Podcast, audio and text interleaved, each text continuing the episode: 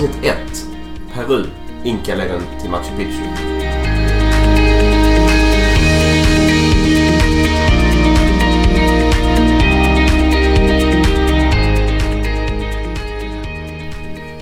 Ja, då var det äntligen dags. Efter att ha klurat ett tag så kör vi igång nu. Ja, nu är det dags för en podd om upplevelseresor som vi själva har saknat när vi har eh, förberett oss inför våra resor. Eh, idag kommer vi fördjupa oss i ämnet Inkaleden till Machu Picchu. Och det som man då kanske ska känna till inför eh, den här genomgången är ju att du och jag Matilda, vi hade varit ett par ungefär en vecka. Vi var på rundresa med Rosa bussarna och det var där vi hade träffats. Så det var lite trevande oss emellan. Så vi hade liksom även en, en personlig resa här. Absolut. Och det vi har tänkt att eh, med den här podden som vi vill förmedla det är ju ja, inspiration, underhållning, lite tips på vägen och sånt för, för eh, andra människor som ska göra liknande resor. Ja, jag har sjukt många bra tips alltså.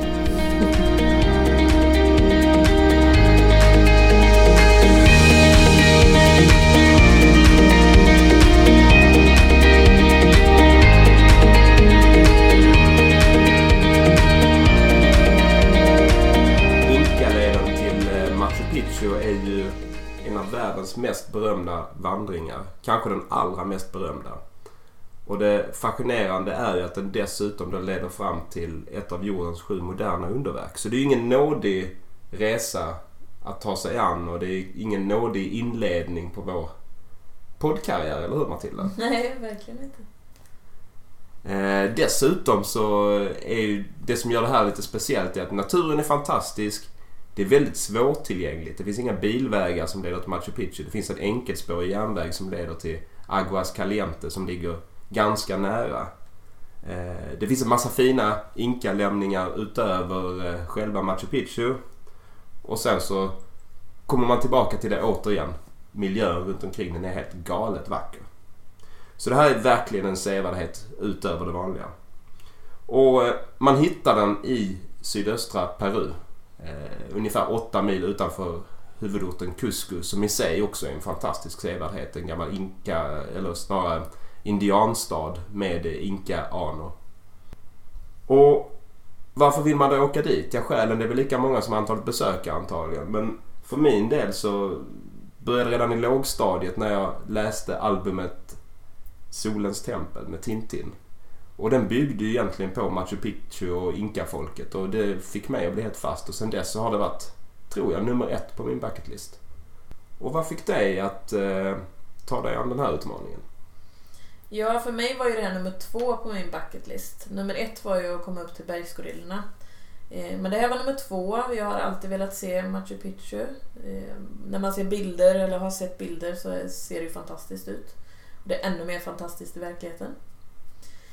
Um, Sen är det ju så när man, eh, när man ska göra enkaleden då så är det ju med organi- alltså en organiserad grupp med guider och, och bärare och sånt som är med. Eh, Man gör alltså inte själv. Jag vet inte riktigt, går det att göra det själv nu för tiden? Alltså, jag har ju mött en israeliska som påstår att hon har gjort det här på egen hand.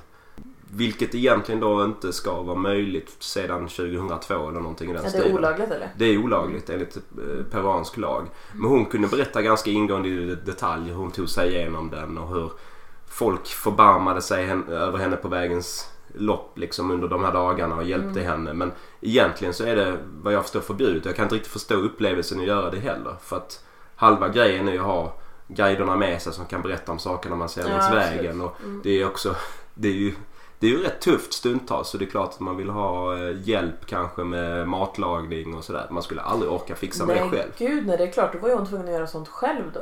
Ja, ja, hon hade inget tält. Eh, eller ja, hon hade väl ett tält som hon släpade på. Det var hon tvungen att sätta upp och hon var ju tvungen att ja. Mm. fixa med mat själv och så vidare. Det hade vi ju världens lyx men det kommer Mm. vi väl tillbaka till sen. Nej, det rekommenderar vi inte. En plankning in på Inkaleden. Nej. Totalt sett så är det ungefär 400 000 turister per år som tar sig till Machu Picchu. Eh, långt ifrån alla av dem vandrar ju längs Inkaleden. det är inte mer än 500 personer per dag som får tillstånd att vandra längs Inkaleden. Då ska man komma ihåg att ungefär hälften av de biljetterna går ju till eh, bärare, och guider och annan ordningspersonal. Så att 250-300 personer kanske per dag som har den här möjligheten. Den häftigaste möjligheten kanske på hela planeten. Eh, nej, de som eh, väljer att vandra Inkaleden, det är ju kanske inte vandringsexperter, alltså sådana som verkligen eh, tar sig an världens vandringar så, utan det är ju mer alltså sådana som vill uppleva naturen och, och ja, vad ska man säga, gå en behaglig vandring kan man väl inte säga, men det är ju inte klättring liksom. Nej, det är glada entusiaster som vill ha en utmaning helt mm, enkelt. Precis. Ja, och sen är det ju för dem som är superproffs på vandring. Det känns ju säkert lite överbefolkat också. Ja, men precis. Och det finns ju, det kan man ju säga, det finns ju alternativa leder som också leder till Machu Picchu som mm. har mycket, mycket färre besökare. Mm. Men det är klart, gör man det första gången är det klart att man vill göra den riktigt klassiska Inkaleden. Men Absolut. det finns ju alternativ. Mm. Eh, inför den här resan så försökte jag ju jag tänkte att ah, men nu ska jag banna mig liksom vara lite tränad när jag gör detta så att jag pallar med. Liksom. Så jag tränar ju ganska mycket inför eh, denna resan. Eh, bara det att när man, vi, jag kom ju till eh, Sydamerika, vad kan det ha varit, två veckor innan? Något sånt? Ja, ungefär. Ja, typ två veckor innan. Eh, och de två veckorna fram tills man skulle vandra Inkaleden så blev det ju för det första ingen träning eh, alls. Så då tappar man ju rätt mycket av det man hade jobbat upp och sen så blev ju jag jätte, jättesjuk och låg ju sjuk i ja, en och en halv vecka i stort sett. Så det var ju liksom tveksamt om jag ens skulle kunna, kunna göra det. Eh, så, men jag klarade det ju och det är jag ju väldigt nöjd över. att jag, jag Det var knappt att jag trodde att jag skulle klara det liksom. Ja, alltså du var inte dödligt sjuk men du var ju ganska illa däran. Det var ju så att ja, man fick alltså sätta in dropp och så vidare. Ja, jag var ju vid sjukhuset ett par gånger och sådär och fick dropp och, och sådär. Så det var ju inte mycket med mig om man säger så. Hur hade du laddat? Ja, min bakgrund var ju kanske lite annorlunda. Jag hade ju varit i mitt livsform bara, bara någon månad tidigare. Jag hade ju faktiskt, om än inte på toppnivå, men jag hade genomfört en Ironman. Mm. Eh, och det levde jag ju rätt gött på. Jo, det märkte man ju. Du sprang ju typ hela vägen. Ja, det, det satt ju fortfarande i kroppen trots allt. Ja. Jag hade grym nytta av det. Och det kan man väl säga, det går ju att göra inkaleden nästan oavsett vilken form man är i om man inte är helt katastrofal form. Men upplevelsen blir naturligtvis bättre om man är i någorlunda fysisk form. Absolut, vissa sträckor avskydde jag vandringen. Vissa var ju helt underbara liksom. Så det är ju väldigt upp och ner om man inte är så jättetränad. Ja. Men man kan ju också säga att vi hade ju en kvinna i vår grupp som faktiskt genomförde Inkaleden med ryggskott. Ja. Väldigt imponerande. Ja, sjukt imponerande måste man säga. Det, det rekommenderas ju inte. Nej, det gör det inte. Sen är det ju om man ska åka dit eh, och man tänker att man vill göra den här resan och, och vandra Inkaleden så är det ju ingen idé att åka dit i februari för då är det ju stängt. Det är ju öppet 11 månader om året. Eh, regnsäsongen är väl någon gång från november till mars där. Så då är det lite lågsäsong och då kan det vara lättare att boka, boka platser. Eller få platser, få vandringstillstånd helt enkelt. Ja och det kanske till och med kan vara lättare att förhandla priset kan man tänka sig. Mm, kan det också vara. Och vi gjorde det under lågsäsongen. Mm. Eh, December 2013 gjorde vi det. Ja precis. Början på december. Och man kan väl inte säga att vi på något sätt mådde dåligt av att göra det under lågsäsong. Alltså vi hade lite regnskurar men det var inte särskilt mycket. Det var inte mycket. Vi var inte, det var inte så att vi blev blöta så liksom. Alltså vi hade ju inte blöta kläder. Det räckte ju att ha eh, vad heter det, en sån här regnponcho på sig. Man fick ta på av några gånger liksom. Så var man ju... Ja, då klarar man sig ju liksom utan problem. Ja, Matilda, du är ju en person som älskar förberedelser. Ja. Hur ger, hur ger man sig kast med det här då liksom? Ja, man får ju skaffa en biljett till att börja med. Eller ett vandringstillstånd om man säger så. Och så får man ju bestämma sig då om man ska vandra eller om man ska åka tåget. Eh, och tågbiljetten, det, man får ju boka allt detta i förväg liksom så att man har koll. Sen vet ju inte jag, det kanske går att boka en vecka i förväg under lågsäsongen. Det vet jag inte riktigt. Har du koll på det? Ja, alltså åtminstone några veckor innan under lågsäsongen så ska mm. det nog kunna funka. Men tänker man gå under högsäsong, alltså typ som svenskan sommarmånaderna eller där omkring. Då eh, måste man ju vara beredd att boka i i stort sett när biljetterna släpps. Några månader, alltså ett halvår tidigare kanske eller vad det är. Mm. Eh, Det finns ju då en massa företag som hanterar de här grejerna åt en och så. Men man måste vara ute i god tid. Det är väl egentligen det som är Mm. huvudgrejen. Mm. Och så ska man ju tänka på att boka tåget ifrån eh, Aguas Calientes heter det va? Ja, någonting i den stilen. Alltså, Heter det? Ja, när man ska åka ifrån, eh, alltså när man har vandrat hela vägen och ska åka därifrån. Så det måste man ju tänka på att boka den biljetten också. Ja, det är inte givet att det ingår i ens eh, gruppbiljett eller det man har precis. köpt. Mm. Och sen är det naturligtvis så att ju större grupp desto bättre pris och så vidare och så vidare. Mm. Och ja, vad får man betala egentligen då? Ja, beroende på gruppstorlek så har vi ju gjort lite efterforskningar och, och kollat hur prisläget ligger just nu. Och det är någonstans mellan 550 och 1000 US-dollar. Mm. Lite beroende på vilken typ av upplägg och hur stor gruppen är och, Ja, och sådär. precis. Mm. Sen har vi det här med hög höjd också. För det är ju på ganska hög höjd man befinner sig och det kan ju vara bra med någon slags höghöjdsanpassning. Så att man är, alltså att man inte flyger in bara ett par dagar innan utan man kanske behöver liksom vara Vi var ju, eller jag var ju ett par veckor innan. Ja. Du var ju lite längre innan än vad jag var men ett par veckor. Det skadar inte liksom. Om, om man är på rundresa eller något sånt där i Peru så är det ju skitbra att ha ett upplägg där Inkaleden kommer på slutet. För det är man ju, då har man ju varit en hel på hög höjd säkert innan. Ja, och då är ju dels det med hög höjd och sen det här att eh, alltså om man flyger in bara någon dag för innan då är man ju rätt sliten efter eh, flygresan också. Ja. Så Vi, vi hade ju i vår grupp hade vi ju ett gäng på 7-8 pers som, som kom två dagar innan ungefär. Och det är ju Mm. det som rekommenderas att du ska minimum vara två dagar innan. Men de hade det ganska mycket tuffare generellt än vad de som hade varit där Mm. längre. Mm. Det känns det som. Så det är väl verkligen en rekommendation vi kan ge. Mm. Sen har vi lite det här med vad man ska ha för utrustning. Ehm, kläder, skor, sådana saker. Eh, skor, jag gick ju i vanliga gympaskor. Ja, Du hade ju lite mer, eh, inte världens vandringskängor men lite bättre Lite mer, vandringsskor. Skrönorna går ju om att folk gör det här i flip-flop också. Och det skulle säkert vara möjligt. Mm. Eh, åtminstone om det inte är störtregn. Eh, Men det Men rekommenderas lite, inte. lite farligt kan det kännas på vissa ställen. Ja, nej, det, det skulle jag inte rekommendera. Nej, inte jag heller. Men det, man behöver inte investera i världens vandringskängor utan det går ju i gympaskor som, som jag hade. Ja. Utan problem. Absolut. Sen eh, kläder överhuvudtaget är väl... Alltså jag hade såna här byxor som man kunde... Alltså typ så vandringsbyxor som du kunde vika upp liksom. Du hade väl sån man kunde ta av va? Ja, jag tycker Ja. det var riktigt bra faktiskt. Ja, det var superbra just att kunna ha. Så då hade man ju både shorts och, och långbyxor i samma. Sen var det ju...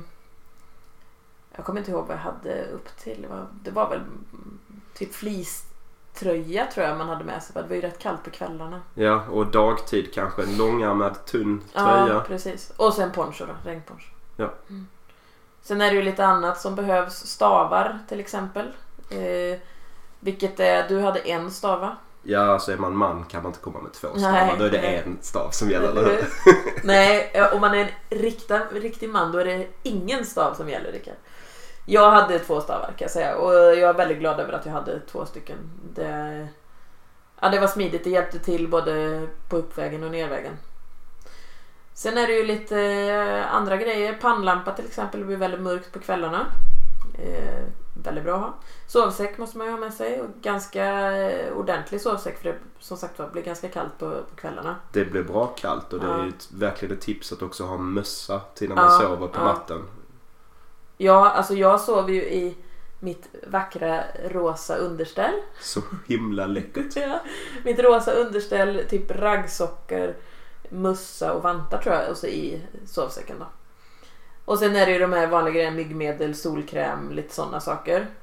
Eh, snacks finns ju att köpa lite ut med vägen. Ja. Eh, inte, alltså inte jättemycket men det, det finns ju lite så små försäljningsstånd. Eh, lite choklad och lite sådana saker, chokladbitar. Men vi hade ju även med oss lite sånt också och det behöver man ju ha för att när man vandrar långa dagar så eh, det gör rätt mycket att få i sig några chokladbitar eller så. Ja, man går i perioder. Man, man går slut på energi ibland. Mm. Och då alltså en liten belöning som ger lite socker och lite annan energi. Det, Ja, det är riktigt gött att ha. Ja. Sen är det bra ja, men en liten handduk, toalettpapper. Ja, toalettpapper inte minst. Vi kommer väl tillbaka till toaletterna sen. Men eh, åtminstone papper kan vara en viss hjälp för det här är Mm. inte toaletternas plats. Men så kan vi säga att allt detta går ju faktiskt att fixa i Cusco. Eh, den här utrustningen. Skor kanske du vill köpa tidigare och gå in såklart. Men alltså typ stavar och, och sådana saker. Stavar hyrde ju jag och en kompis. Så vi köpte ju aldrig stavarna utan vi hyrde dem eh, inne i Cusco och sen så lämnade vi tillbaka dem efteråt sen bara. Och det var inga problem alls. Ja. Det var jättesmidigt, billigt och bra liksom. Ja, Jag köpte någon billig stav och sådär. Ja. Och jag hade ju inte läst packningslistan Såklart innan. inte. Vi funkar på lite olika sätt där. Men, men jag fixade alla grejer jag behövde i Cusco. Jag hade skaffat skor till en Mm. vandring tidigare så det hade jag. Men det hade man säkert kunnat fixa det också. Cusco är ingen liten stad liksom. Och Nej. det är ju basen för alla Inkaleds expeditioner som görs i stort Ja, ja, de är vana vid, alltså de Ja. har ju det sortimentet eftersom folk ska ut och vandra liksom. Ja, vad, vad tror du? Ska vi gå igenom hela rutten? Det är nog lika bra det. Det gör vi, det tycker jag. Ehm, och det är ju en fyra dagars rutt som är den klassiska, det klassiska sättet att ta sig an, an det här. Och då hämtas man upp i Cusco på morgonen. Eh, I vårt fall så var det som det alltid är i Sydamerika och i andra u-länder att det var total organisationsförvirring. ja. Man stannar till av obegripliga anledningar. Man köper på sig saker. Chauffören behöver någonting och guiderna behöver någonting. Vi hämtade upp en förvirrad amerikan eh, Ja. av någon anledning på ett väldigt konstigt ställe också. Men inga, inga förklaringar. Det, det bara händer ma- massa märkliga saker. Ja, vi stod ju jättelänge vid ett ställe där och så försvann ju chauffören och sådär. De var ju borta jättelänge. Ja. Och vi började bli så här, vad, ska vi gå av här eller vad händer liksom? Men det, ja, jag vet inte vad de gjorde men ja, de Ja. kom ju till slut igen. Ja men precis. Och, ja, det, saker och ting brukar lösa sig men man, man vet aldrig riktigt vad det är som händer egentligen. Och så kommer man fram till en eh, klassisk järnvägsstation där man då tar gruppfoton och sådär. Och sen så checkar man in, man får liggunderlag, skriver in sig i en liggare, får lite information och sådär. Och sen, eh, sen bär det av. Man går över en bro och sen är det liksom igång. Du får ju en stämpel i passet också där va? Ja precis. Du måste det, ha med dig passet för att göra den här vandringen. ja, det är ju det är en viktig detalj Ja. faktiskt. Och det finns ju fler ställen sen längs med leden där man kan få stämpla i passet. Ja, det gör det. Och man har ju lite kontroll över vilka människor som är ute på leden och, Mm. och sådär så att, så att man inte ska tappa bort folk. Ja, eh, och en av de första sakerna som... Man lär ju känna guiderna direkt naturligtvis. Vi hade kanske fyra guider och sån där på en grupp på ungefär 30 personer. Ja, något sånt var det väl. Eh, men sen så går det ju ungefär eh, en 1,5 turist per bärare. Och Mm. de här bärarna är ju någonting som är väldigt speciellt. Ja, verkligen. De, är alltså, de, de bär ju alltså, dels om vi vill att de ska bära någon av våran packning så kan vi betala dem för att eh, eh hjälpa till med det. Och det var ju en sån där sak. Innan hade man ju tänkt lite så här att nej men bärare, det ska man väl inte behöva ha en bärare liksom. Jag kan väl bära min egna väska.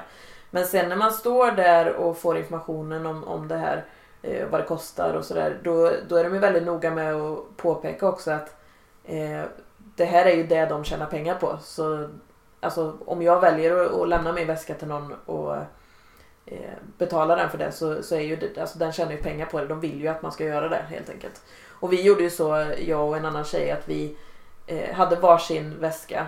Men så lämnade vi en då till en bärare och sen så hade vi en mindre väska med det viktigaste som vi turades om att bära.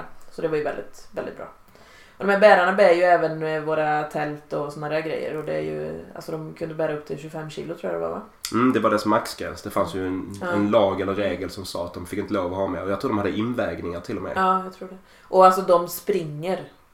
Ja, det är sjukt. Alltså de springer, det är ju helt otroligt. Vi kommer med en liten ryggsäck och släpar oss fram och är helt jättetrötta. Och de kommer med 25 kilo på ryggen och springer förbi liksom. Ja, det spelar ingen roll om det är uppför eller ner, de springer. Nej. Så, eh, ja, rätt så, rätt så sjukt faktiskt. Mm. Men nu ska vi se, dag ett, det går längs en flod nästan hela dagen va? Ja, Vad heter floden? Urubamba vill jag minnas då. Urubamba. Ja, så den, den, den har man vid sin sida och det är ganska lätt vandring första dagen. Första dagen är ju ganska flackt, lite stigningar men inte jättemycket. Ja, och eh, 12 kilometer. Ungefär den Ja. dagen ja. Mm. Så det är ju ingenting som man kan bli rädd över eller rädd för.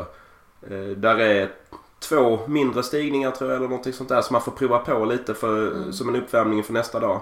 Men eh, ingenting eh, speciellt så. Och så, så, ja, så kommer man fram till sin tältplats. Nej men sen när man kommer fram i alla fall då så, så har ju bärarna har ju redan sprungit dit innan, eh, innan oss. De har ju sprungit förbi oss med tält och alla grejer. Så de har ju redan satt upp tälten när man kommer. Eh, så allt är färdigt. Man bara kommer dit och vilket kan vara skönt när man har slitit ut sig ganska ordentligt på dagarna. Liksom. Ja, man kan bara lägga sig i tältet en stund och, och slappa och Ja. vänta på att signalen ska komma att det är dags för käk. Mm. Och, eh, och vill man så kan man ju försöka ge sig på att besöka toaletterna. Eh, Man upptäcker ju snart att det kan vara läge för att hålla sig så mycket som möjligt Ja, på den här fy leden. Ja. Fy vad vidrigt det är alltså. mm, det är det, verkligen. Och då kanske inte just vid det här stället att det var de allra värsta toaletterna. Men man kan ju bara glömma sådana saker som, som toalettstol. Eh, eller Ja. lås för dörren eller någonting i den stilen. Och man ska vara väldigt glad. Det finns ju inga toalettpapper heller naturligtvis. Så Nej. man ska vara väldigt glad om, om det på något sätt går att spola bort skiten och att det liksom hamnar i toaletten och inte glider ut över golvet. Och, Åh fy. ja, det är så vidrigt är det alltså. Gud vad vi säljer in det här med Inkaleden. Ja, Ja, nej, vi går tillbaka till maten. ja. ja. Maten var ju liksom... Eh, alltså, gillar man inte koriander då kommer man inte trivas på Inkaleden. Nej, Så är inkaleden lite. är koriander. Så Ja, är det bara. alltså soppa med koriander till då någon slags förrätt varje dag.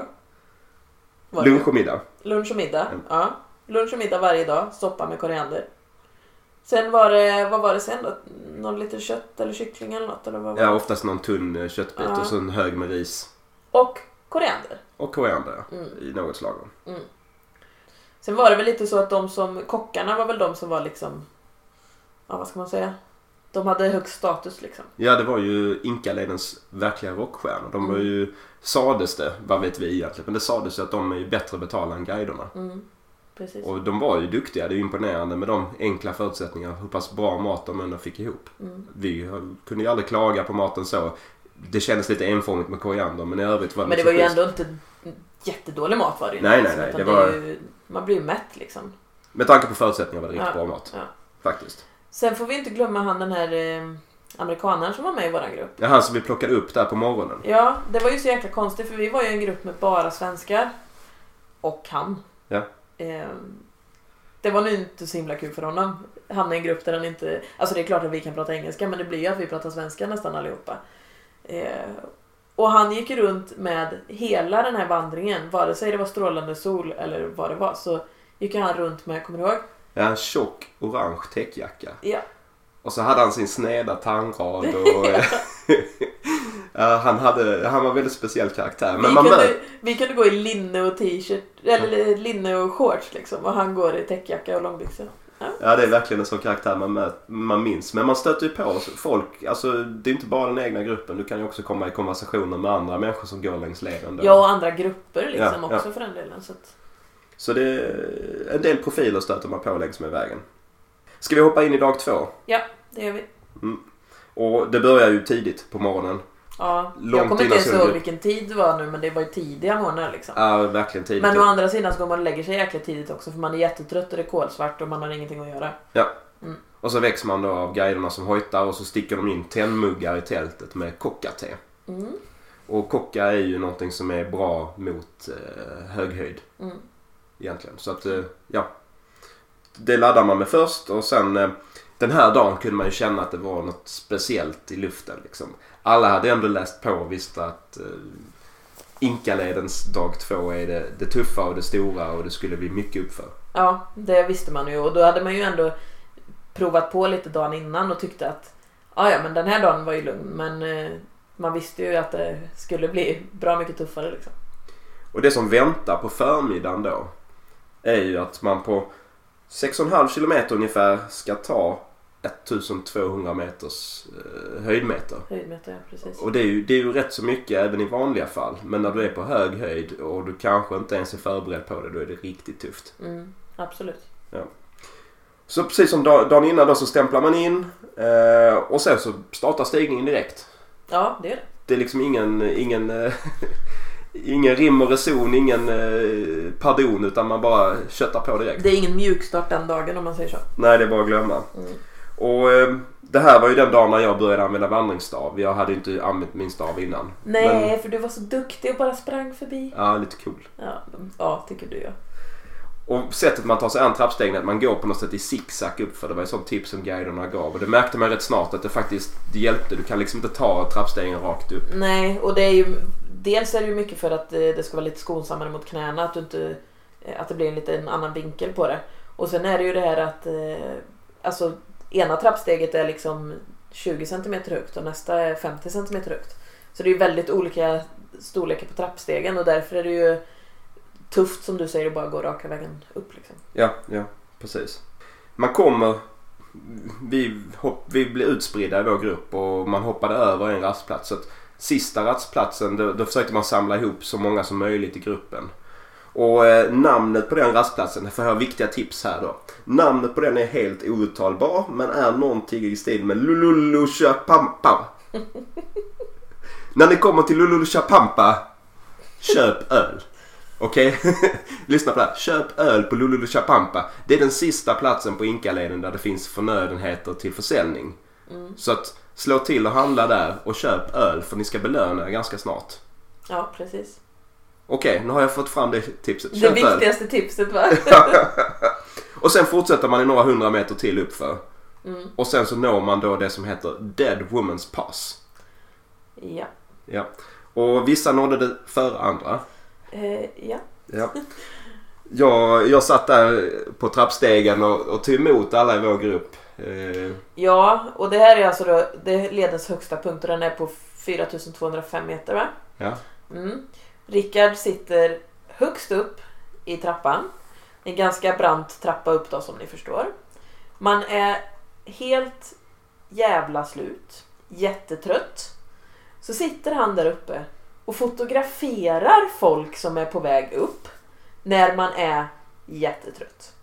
Så när jag närmar mig så ser jag att Rickard tar fram sin kamera. Och jag sa något i stil med att Fan ta det om du tar bild på mig eller något sånt där. Och då vågar ju inte du ta någon bild på mig. Nej. Och nu i efterhand så känner du vad då? Ja, jag erkänner att jag ångrar det lite grann så här i efterhand. Det hade varit kul. Jag har ingen bild där uppifrån, inte ens efter att jag hade kommit upp. Nej. Eh, Så det hade varit trevligt att ha en bild. Det kan jag erkänna. Men just då så var det ju, alltså jag var så trött så jag typ ville gråta liksom. Så att eh, då vill jag inte vara med på bild just då. Men du tyckte om mig när jag bjöd på djungelvrål och gått och blandat Ahlgrens bilar som jag hade där. Då eh, kom den här lilla förälskelsen tillbaka lite kan jag säga. Ja, ja, det var ju tur det. Ölen sket jag i som ni drack då, men det är ju för att jag inte är så förtjust i öl. Men det satt ni och skålade och drack, drack öl och käkade godis. Du brukar ju annars ha lite annat i munnen på den här leden. Alltså, det spelar ingen roll vilka bilder man tittar på så är hela din käft full med någonting. Vad är det du har i käften där då? Men det är ju kokablad såklart. Jag gick ju och tuggade på dem. Man, man ska ju ta de här kokabladen och ska man tugga lite på dem och sen stoppa upp dem under läppen. Eh, och så blir det ju så här, det domnar ju bort lite. Läppen domnar ju bort på en typ. Så min läpp var ju bortdomnad i typ fyra, fyra dagar. Eh, och och ehm, fanns ju även sådana karameller med, med koka i som man åt på. Eh, så att det ser ut som att jag snusar på varenda jäkla bild. Det är ju lite tråkigt faktiskt. Men, ja. eh, men det ska ju vara bra mot eh, den höga höjden helt enkelt. Ja, du var ju i alla fall övertygad om det. Det var ju helt uppenbart. Ja, men eh, när man väl har kommit upp för Dead Woman's Pass Så är det inte något mer jobbigt kvar den dagen utan då är det Nej. nerför. Då fick man äntligen börja gå nerför. Men nu ska vi tillägga också att gå nerför på ett vis är jobbigare än att gå uppför. Alltså när du går uppför så är det ju Alltså det är ju jobbigare fysiskt på det viset att du blir trött. Men att gå nerför var ju, alltså när det är olika höjd på trappstegen och det kan vara lite halt och det, alltså det är läskigare på något vis att gå nerför om det är brant. Och det tar mer på knäna. Och ganska tidigt i den här nedförsbacken, här kommer ju ett, förutom då att köpa öltipset så är det här ett av mina allra viktigaste tips. Titta in efter ett skjul till höger. Ner i backen där precis. Ner i backen. Halvvägs Precis. ner i backen. Nej, det kanske nog är lite tidigare. Jag, Ja, mm. ja, i alla fall håll utkik efter skyltar, små skyltar till toaletter och ett litet skjul. Det är Inkaledens bästa toaletter. De är nästan obesökta. Och när man kommer dit så hittar man en plakett där det står eh, Sponsored by Finland. Och man känner bara en sån förälskelse till sitt grannland. Det är de bästa toaletterna på hela Inkaleden. Kom ihåg det. Direkt efter Dead Woman's Pass nästan, in till höger. Ja. Ja, men det är, det är viktigt att Det förmedla är viktigt, tipsen. ja absolut. Annars var det ju en rätt trevlig vandring där nere för det var lite Ja, vattenfall och man kände sig väldigt stolt över... Det är ju, alltså framförallt så är det ju det att det är väldigt vackert och man måste Alltså vare sig det är jättetungt eller om det går ganska lätt så måste man ju Alltså inte bara titta vart man sätter fötterna utan titta och njut liksom av omgivningen. Totalt den här dagen då så gick man eh, 8,6 kilometer men det kändes ju som betydligt mycket mer. Absolut, det låter ju inte så mycket med tanke på att man gick typ 12 dagen innan men eh, det, är- alltså det är ju mycket, mycket jobbigare den här dagen. Ja. Och, och när man kom fram då till rastplatsen den här dagen så eh, det här med toaletterna blir ju ännu tydligare då. Ja, Folk har slitit den här dagen och det ge- ger sig någon sorts yttring på toaletterna. Det här är de vidrigaste toaletterna jag någonsin varit med om i hela mitt liv. Jag skulle gå och besöka där då på kvällen och redan på 20 meters avstånd från toalettbyggnaden så luktade det så illa som man höll på att kräkas. Ja, usch, usch, usch, usch. Kommer in i toalettbyggnaden och det är låst på de... Eller det sitter folk på alla tre toaletterna. Och från den ena toaletten hör jag bara ett vansinnesskratt och det är vår chaufför som sitter inne och bara är helt chockad över hur vidrigt allting är liksom. Och när han öppnar upp och visar för mig, det ligger liksom bara bajspapper i ett hörn. Det är ett litet hål i golvet och när man försöker spola så bara forsar det ut bajsvatten över hela golvet. Och, helt vidrigt. Ja, fy fan. Och då har man liksom sett den vackraste miljö som går att se nästan under hela vandringen. Så kommer man dit och så får man uppleva det här. Det är så, Ja. sådana kontraster på något sätt. Fruktansvärt. Trött var man där på kvällen. Det var flera som somnade ifrån och missade käket på kvällen. Så mycket tar det här på en. Mm. Ja, man var jätte, jättetrött. Verkligen. Och då var det, alltså, det var skönt när man väl kunde gå och lägga sig. Ja. Sen eh, vaknade vi upp dagen efter, dag tre. Vilket var en väldigt eh, vacker dag. Det var fin vandring den dagen va? Ja men det kan man väl säga. Det är ju Inkaledens vackraste, Ja. finaste dag. Precis. Eh, man börjar ju med en ganska brant stigning där har jag för mig. På, vad kan det vara? Ja. 300-400 meter någonting va? Någonting sånt. Och sen efter det så är det ju nerför nästan hela dagen då. Ehm, Efter det. Så det är en liten stigning och sen nerför. Och det är ju rätt spektakulärt på sina ställen. Alltså det är ju inte sådär jättebred väg och det är rätt branta stup Mm. och viss fara får man väl nästan säga alltså. Ja, och du som är höjdrädd också. Det... Jag gick och strök längs med bergväggen. Så jag såg väl inte så mycket av de där stupen egentligen. Nej, så är det väl. Det finns också, det har ju funnits lämningar även i alla fall dag ett eh, på vägen. Alltså gamla inka-byggnader och så vidare. Mm. Men här så blir det ju mer av den varan liksom dag tre. Mm. Du Kan, ju, du, kan du förklara vad de eh, ställena heter? ja, vi har ju skrivit ner det här i vår research då liksom. De här ställena vi stannade vid. Men jag vet inte om jag klarar det här men det, jag, det kommer nog låta lysande. Sayacamarca och Puyutapatamarca. Ja, ungefär så. Ja. Kolla in dem. det sägs att det är 3000 trappsteg ner för den här dagen och det stämmer nog rätt bra. Det känns som man bara gick ner för ner för hela Ja, tiden. och det som är den dagen när man bara går ner och ner och ner och ner och ner. Det är att benen blir lite så här. Vad ska man säga? De blir lite så darriga och mosiga på något vis av att bara gå nerför. Så det var det jag menade tidigare när jag sa att det kan vara minst lika jobbigt att gå nerför som att gå uppför liksom. Fast på ett annat sätt. Ja. Mm. Och vid de här ställena när man stannar till och fotograferar gamla inkalämningar så då, då dyker ju lamadjuren upp kanske på Mm. allvar också. Det är, rätt, det är trevligt. Ja det är det. Det är ju lite sådär Peru-symbol liksom. Ja, och det var ju de. De minns jag ju från Tintin Solens tempel också. Ja, så såklart. det var ju nostalgiskt. Eh, det finns en jäkligt häftig terrasslämning som heter Winai Waina. Eh, som ligger precis på slutet innan eh, rastplatsen. Ja den här med, med va? Som man kom och gick över liksom och så Ja. runt. Ja. Och det går att gena och missa den. Om man vill eller inte vill. Alltså frivilligt eller ofrivilligt. Man ska inte göra det. Man ska inte missa den. Den är häftig alltså. Mm, är. Och så kom vi då fram efter ungefär eh, 13,5 kilometers vandring så kom vi fram till, till tältplatsen för den här dagen. Och det här är ju den vackraste tältplatsen på hela planeten antagligen. Mm, det är det ju. Den är ju på 2700 meters höjd. Du hade ju du hade norpat åt dig ett av de bästa tälten där. Ja, jag kände att det var ju en speciell kväll. Matilda hade lovat att hon och jag skulle dela tält och vi skulle sova ihop för första gången någonsin i den här relationen. Mm.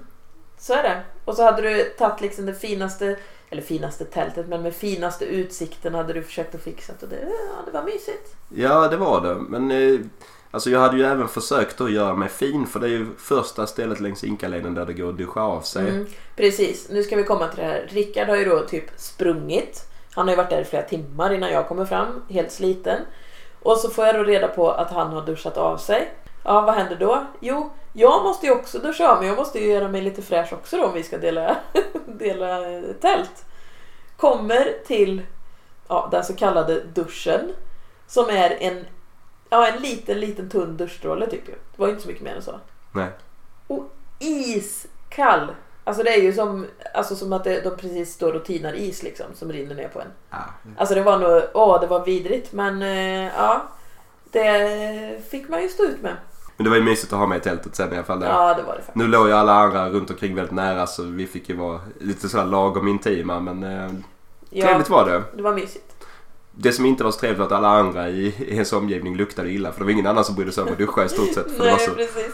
Så egentligen så rekomm- rekommenderar man ju inte riktigt att man ska duscha det. Alltså, skippade den här duschen och behöver man inte packa med handduken heller. nej och jag tänker att alltså, man behöver inte duscha på hela de här, alltså alla luktar illa. Ja. Du behöver inte duscha överhuvudtaget förrän du kommer tillbaka ifrån Inkaleden liksom.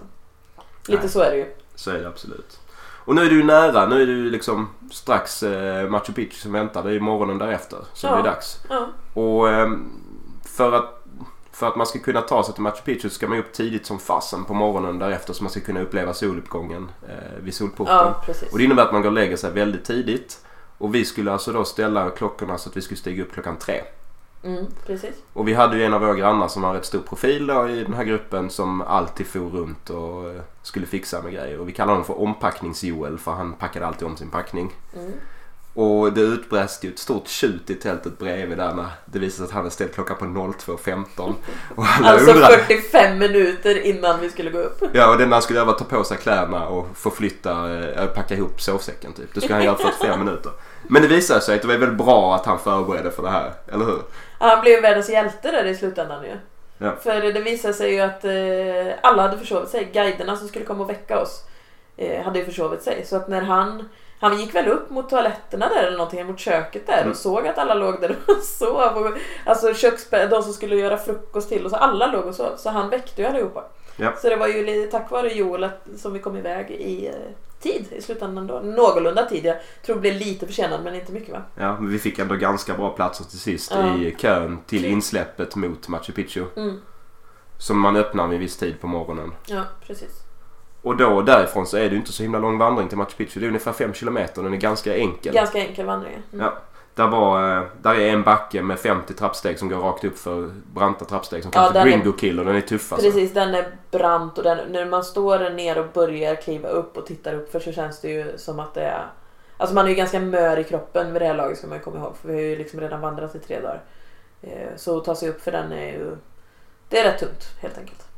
Solporten är ju Ja. det man kommer till och det är ju liksom en mytomspunnen plats. Det är därifrån bilderna utöver Machu Picchu, många av de bilder man har sett är tagna. Mm, Man har en extrem förväntan när man kommer där till soluppgången eller strax mm, därefter. mm. Och så tittar man ut och så är det bara total dimma. Man säger ingenting. Nej, precis. Men då är vårat tips, det här, det här är viktigare än dina tips som du har gett innan tror jag. Det är att avvakta lite där uppe om det är dimma, inte gå ner direkt. För att nästan alltid så lättar ju dimman efter, ja men alltså det kan vara 10 minuter senare så är det helt klart liksom. Alltså vi fick ändå okej bilder och en okej upplevelse där till sist. absolut. Men man Eh. måste vara beredd och liksom, alltså tappa inte modet och bara bli besviken och gå ner direkt utan stå kvar där uppe ett tag liksom. Ja, det är verkligen ett tips. Mm. Och så traskar man ner då till Machu Picchu därifrån. Ja, Och det som är smidigt där då är att man kan ju checka in sin packning. Så att man kan Mm. fokusera på, på själva upplevelsen av att vara där sen efter det. Man behöver inte tänka på det längre. nej det var ju jättebra. Och dessutom är det ett ställe som öppnar tidigt på morgonen som säljer öl, korv, hamburgare, allting. Så vi hade ju världens fest där. Ja. Och då Faktiskt. liksom verkligen så belöna oss att vi hade klarat det liksom och gått hela den här vägen. Och...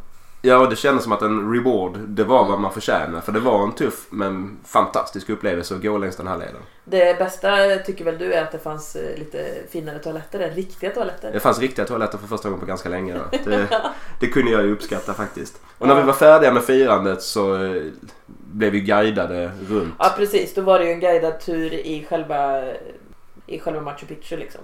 Runt där. Och då hade vi ju jättefint väder och fick jättemycket fina bilder och ja. Gick runt där med den här guiden jag vet inte hur länge vi kan ha gått, 40 minuter kanske? Ja, något sånt. Det var ganska varmt och ganska tufft men eh, Ja. kameran smattrade hela tiden. Det är otroliga miljö. Bergen runt omkring är så grymt vackra och så Mm. ligger det här så, så galet häftigt alltså. Mm. Det man ska säga om den här gamla lämningen då är att eh, egentligen var det här inte en riktig stad utan det var mer ett landställe för inkan och hovet. Mm. Så att det, det är ju uppbyggt för det snarare än liksom en stadsmiljö. Är rätt intressant att traska runt där och, och lära sig mer och det är absolut någonting man ska göra med guide. Har man tagit sig till Machu Picchu så måste man ha en guide Ja, i Machu absolut. Picchu. Mm. Det är det ju värt liksom, om man säger så. Ja. Jag kommer, i våra, för oss ingick det ju, vi hade väl nå eller hur, visst gjorde det? Ja, vi hade, det Ja. ingick en guidad tur i vår Ja. tur. Jag vet inte om det gör det i vanliga fall om man... Fast om man tar tåget dit så ingår det ju inte. Men, Nej. Ja. Men Men man ska man- absolut ha guidad tur. Det, det, det är absolut en rekommendation. Vi brukar annars vara ganska anti guidade turer, Ja. du och jag. Men eh, i det här fallet är det ingen snack om saken. Här ska man ta en guidad tur. Sen hade ju vi eh, lite tid över och bestämde oss för att gå till den här Inkabron. Ja. Eh, som var, skulle vara ungefär 20 mi- minuters... Ja, inte vandring kan man ju inte säga. Det, men 20 minuter bort ungefär. Ja. Alltså egentligen var det väl inte jättemycket att se så. Men det var ju ganska häftigt ändå för det är ju en jätte, jättesmal... eh, Ja, hur bred kan den vara? Den är ju inte alls bred. Ja, kanske en meter. Jag vet Ja, inte. inte ens det tror jag. Ja. Trä, träbro var det va? Visst var det sten ner så var det som trägrej i mitten va? Ja, någonting Ja, sånt. och så in till bergväggen precis Mm. liksom. Så den var ju rätt läskig. Rickard vågade ju knappt gå fram. Nej, man fick inte gå ut på den ska ju Nej det sägas. får man inte göra. Men jag blir nervös bara av att se den. Mm, precis. Eh, Så det valde vi att göra då i och med att vi hade Ja. lite tid över kan man Har man tid kan man göra det. Det Ja. är inget absolut måste liksom. Nej, Men det, det kan vara värt att kolla in det om man, Ja. om man tycker att tiden finns. Sen nu har man ju gjort detta då. Har Ja, man gjort hela den här vandringen och sett Machu Picchu och eh, allt detta fantastiska. Och då tar man ju sig därifrån med tåg. Från Aguas Calientes. Mm. och därmed är ju egentligen turen slut. Det man ska tänka på då som sagt är att om man inte har varit på en organiserad tur där tågbiljetten ingår så ska man ha bokat tåg i förväg. Mm. Eh, annars riskerar man att bara kunna få ett tåg som går väldigt tidigt på dagen så man knappt hinner med i Machu Picchu. Och Ja, Ja. precis. Mm. Det finns, tror jag, ganska bra övernattningsmöjligheter också i Aguas Calientes. Mm, jag tror det. Ja, Mm. eh, några mer tips på, på Machu Picchu? Det har vi väl ett par stycken va? Ja, eh, den, alltså vad ska man säga, bredvid, när man står upp på solporten och tittar ner eh, så man ser hela, hela Machu Picchu så ser man ju en jättehög bergs, vad ska man kalla det? Bergstopp. Bergstopp typ. och den heter ju Huayna Picchu va? Mm. Som man också kan gå upp på. Vi var ju inte där för vi hade ju inte vi var inte riktigt förberedda på det. Vi hade inte riktigt... eh, Vi hade inte riktigt koll på läget. Nej. Jag tror dessutom att man måste ha köpt tillstånden förhand. Före, Kanske ja. till och med i Cusco. Så att, eh, men det är något som vi verkligen rekommenderar. Mina föräldrar Dina föräldrar har gjort det. Jag kunde ju känna lite så att eh, nu hade vi ju gått i fyra dagar så att nu var man ju så jäkla trött. Men eh, alltså när man ser det, för det är ganska brant upp där. Ja. Och då känner man ju lite så här att herregud den där skulle jag ju aldrig klara. Men dina föräldrar har klarat det så det skulle man nog göra. Det borde man kunna göra. Sen är det ju, de pratar ju om att det var ju på något ställe är det ju så trångt. För att jag kommer ihåg att man gick under eh, som är en port typ. Ja. Och det var jätte- jättetrångt, man kommer knappt igenom liksom. Och sen är det ju bara stuprakt ner vid sidorna. Så det är ju nog lite läskigt. ja, men man kan ta fantastiska bilder därifrån. Mm. Verkligen helt fantastiska. Och sen så har vi ett tips till egentligen. Och det var ju något som vi fick se spelas upp i, i vår grupp. Ja, Alltså, tips och tips vet tips. jag inte. Men, Men om, om du har en vandringskamrat eller kollega som känns lite för rask. som du vill jäklas lite Som du med. vill jäklas med. Stoppa ner stenar i packningen. Mm. Ett par kilo stenar gör ju... I botten då Ja. så de inte märker detta. Det gör ju vilken vandrare som helst lite mer mör. Ja, precis. Så det kan vara ett bra tips liksom att ta med sig om man vill ha lite roligt längs leden. Ja, och ett tips till egentligen. Hur kan man fira det här då Matilda om man har, om man har klarat av att gå Inkaleden? Ja, jag firar väl på ett lite annorlunda sätt. Eller annorlunda, annorlunda. Det, det är väl lite sådär att man ska kunna uppleva detta i Peru också. Det är ju så att där äter de ju marsvin. Det är ju en nationalrätt eller vad man ska kalla det för. Eh, och det kände vi att det måste vi ju testa. Så det gjorde vi. Så vi gick till en eh, restaurang och beställde in marsvin. Vi ville ju ha ett helt marsvin liggandes på, på tallriken med tänder och huvud och allting kvar. Eh, men de kom ju ut och sa till oss då, kocken, att de hade ju tyvärr inte sådana med huvud kvar på och frågade om det gick bra att det var utan huvudet. Så det fick vi ta då. Men det var faktiskt eh, ganska gott. Det var lite lite kött på, man fick sitta och småbita på de här benen. Djurvännen Matilda alltså. Ja. När du pratar om vi, jag är inte inblandad i det här. Nej, det kan vi säga också att. Rickard var ju inte med utan jag var ju där med lite annat folk. Ja, Rickard, skulle du göra detta igen? Skulle du gå Inkaleden igen? Ja, jag skulle gå Inkaleden igen. Jag tyckte det var en av de häftigaste vandringarna jag har gjort. Men det finns ju alternativa leder. Det är kanske de, någon av dem man har velat testa på då. Ja, absolut. Jag skulle också jättegärna göra det igen. Eh, Men då skulle jag vilja vara i lite bättre form. Försöka undvika att bli sjuk precis innan. Ja, det kan väl vara Nej men vara lite mer tränad liksom och, och hoppas att man inte är sjuk innan. Och sen en annan rutt skulle vara kul att prova då i så fall. För nu har man ju ändå gjort den här en gång. Plus det här tillägget då med Waina Picchu. Mm. Jaha, och om man ska kombinera det här eh, med någonting. Ja, då är naturligtvis att man ska ha några dagar i Cusco. Det är en jättemysig stad. Absolut. Och som vi sa innan, det är superbra att ta. Och det är väl det många gör. Alltså man, man kör en rundresa i Peru och, och lägger in det här som en highlight eh, någonstans i slutet. Det finns massor Ja. med kul och häftiga saker Ja. att se och uppleva i Peru. Om man har gjort Inkaleden och vill göra någonting liknande. Då kan jag rekommendera Ciudad Perdida i Colombia som också är en liknande vandring. Väldigt häftig miljö. Ganska mycket färre turister och så kommer man till den förbjudna eller bortglömda staden. Eh, efter tre dagars vandring ungefär. Sen får man tyvärr gå samma rutt tillbaka men det, det där är verkligen något liknande, en liknande upplevelse som jag kan rekommendera. Mm. Mm, sen kan vi säga att om man vill ha, läsa lite mer om eh, våran eh, vandring på Inkaleden så kan man ju gå in på din eh, dagbok. Ja, För du skriver ju skriver väldigt utförlig dagbok på alla resor. Ja. Alla dag, varje dag liksom. Ja. Och det är ju på www.rickardalfredsson.se. Ja. Stämmer va? det stämmer alldeles utmärkt. Och då letar man sig fram till jorden runt 2013-2014 som är en huvudrubrik för den resan. Eh, och så letar man sig ytterligare vidare fram till den 3 december och läser därifrån fram till den 6 december. Så får man höra och läsa om allt det här eh, som vi har pratat om nu. Ja, precis. Då blir det dags att sammanfatta Ja. Inkaleden till Machu Picchu med tre ord. ja. För vi tänker att tre ord är ett bra sätt att sammanfatta alla resor på. ja, jag har ju ett ord och det är ju slitsamt. Det är liksom det första Alltså- som kommer för din tanke. Ja, alltså det är ju samtidigt är det ju väldigt vackert och det är ju värt det men det är ju slitsamt. Det är det. När jag, tufft, liksom. ja, när jag tänker på dig och du pratar om Inkaleden. Det, det du ofta också tar upp det är ju maten och du säger att Koriander! Ja. Alltså man kommer aldrig kunna äta något som smakar koriander utan att tänka på Inkaleden. Nej, så är det faktiskt. Och sen som ett sista ord så måste man ju ändå säga belönande. Alltså Ja. det här var, det här är en gudomlig upplevelse. Det är det. Det kanske låter som att vi är skeptiska och att det är jobbigt och att det är äckliga toaletter och så vidare. Men det är samtidigt en enorm upplevelse. Alltså överlag är det ju fantastiskt. Ja. Det är det ju. Så de tre orden efter detta är koriander, slitsamt och belönande. Okej. Det var det här. Det var det.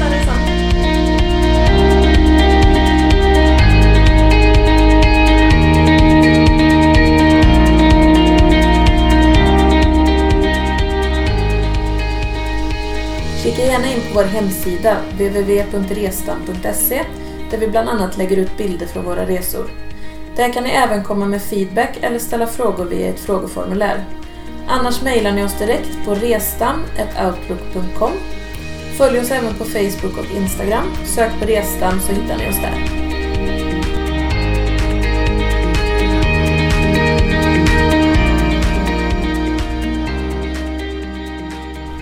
Ni lyssnade till första avsnittet av Restan, Inkaleden till Machu Picchu.